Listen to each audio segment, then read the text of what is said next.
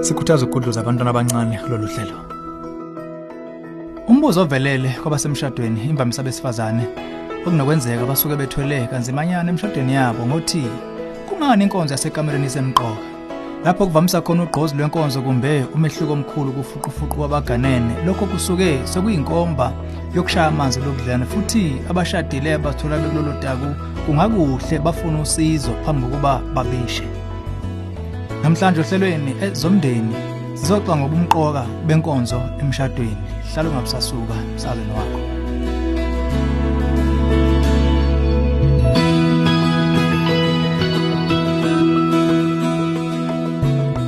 angikubengelele ezomndeni uhlelo olukulethela izeluleko eziphathekayo ngaba ka focus on the family. Njengoba sisike sabeka sithole ngqo umbuzo njalo kumama ongaqondi kahle ukugcizelwa kwenkonzo emshadweni. Ubuze wathi ngakube inkonzo iseqhulwini kangaka emshadweni onempilo? Nakho kwenza ngibuze. Siyaphikisana nowakwami ungitshela ukuthi inkonzo yekamela ingcwele yisakramente futhi iyimfihlakalo engcwele nokuthi imele ukuba indimba obudlane bethu. Uzasebenzise kwabasefeso 5 verse 30 kuya 32 ukuyamisa lenkulumo yakhe. Angivumi mina. Emva kwakho konke kuningi ongumshado ngaphezulu kwenkonzo. Ngaphandle kweBhayibheli uqobo 1 Korinte 7 verse 3 kuya ku5 kubuka lencwadi iphamisa ukuthi inkonzo yinto nje yokwenziwa hayi into ejulile komoya Nginomuzo ukuthi kunabazana abakholwa sengathi inkonzo isemqoka ngokungaphezulu kwezinga izwi elisho ngayo Niyavumelana nami kulokho na? Nansi indlela thina sibuka ngayo. IBhayibheli lithi kusukela endalweni uNkulunkulu wabenza owesilisa nowesifazane. Bese liphinde futhi lithi ngenxa lokho indoda iyakushiyisa nonina inamathele kumkayo bese ababili babenyamanye. Mark 10 verse 6 kuya ku8 ocashunwe kuGenesis. Kubuya kuyimvelo ukuqagula ukuthi ubunye ngokwenkonzo kuumongo ohambeni oselichaziwe. Kunokuningi emshadweni ngaphezulu komshado njengoba ubekile kahle kube ngaphezulu kwenkonzo. Nanxa kunjalo kodwa ukwenziwa kwenkonzo yekamero umongo uphawu nogcizelelo ngokwesenzo senyama ukushiya nokunamathela futhi nokuba nyamanye yikho lokho okubalula ingqikithi yomshado.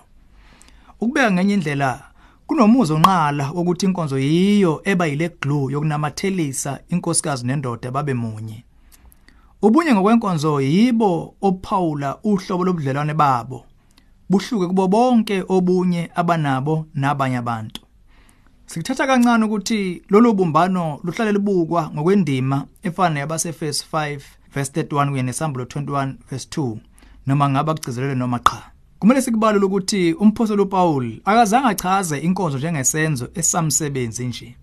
Kodwa akusho ukuthi abashadile badinga ukufunda ukuthi babeke kanjani idingo zabashade nabo phambili kunezabo. Nansi indaba yakhe ephelele njengoba ivela kwabokuqala baseKorinte 7 verse 3 kuya ku5.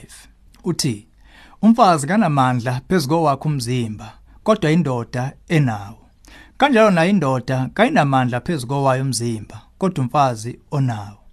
Ningagodlelani kuphela kube ngokwesikhathi ngokuvumelana ukuba nithole ithuba lokukhuleka nibuye nibe ndawonye ukuze usathane anganingi ngongayibambe kwenu.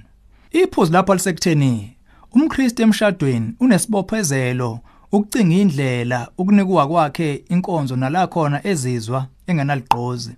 Lokho kuyedlula ekutheni ucansi lungenye izinto ezisamsebenzi kumbe isenzo esabulwane ngokucabanga kwabanye.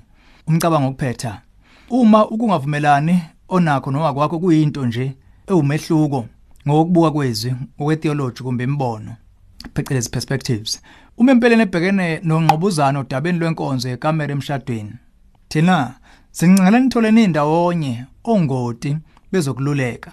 Umnyango wezokululeka efocus on the family ngokwezisebenzayo uyothokozela ukupha uhlala abaluleki bezemshado abachwepheshile kumbe abemndeni abangaba seduze nawe abalungisa ngqo izindaba ezingenkonzo yasekamerweni emshadweni.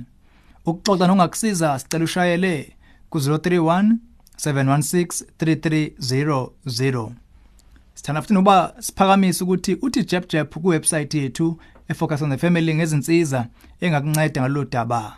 Enye efika engqondweni ngethi the five sex needs of men and women ebhalwe ngudr gary nobob rosberg. Okwakho yithi nje jeqe ku-safamily co ukuthola lensiza kuye nezingamakhulukhulu ezilusizo nembala.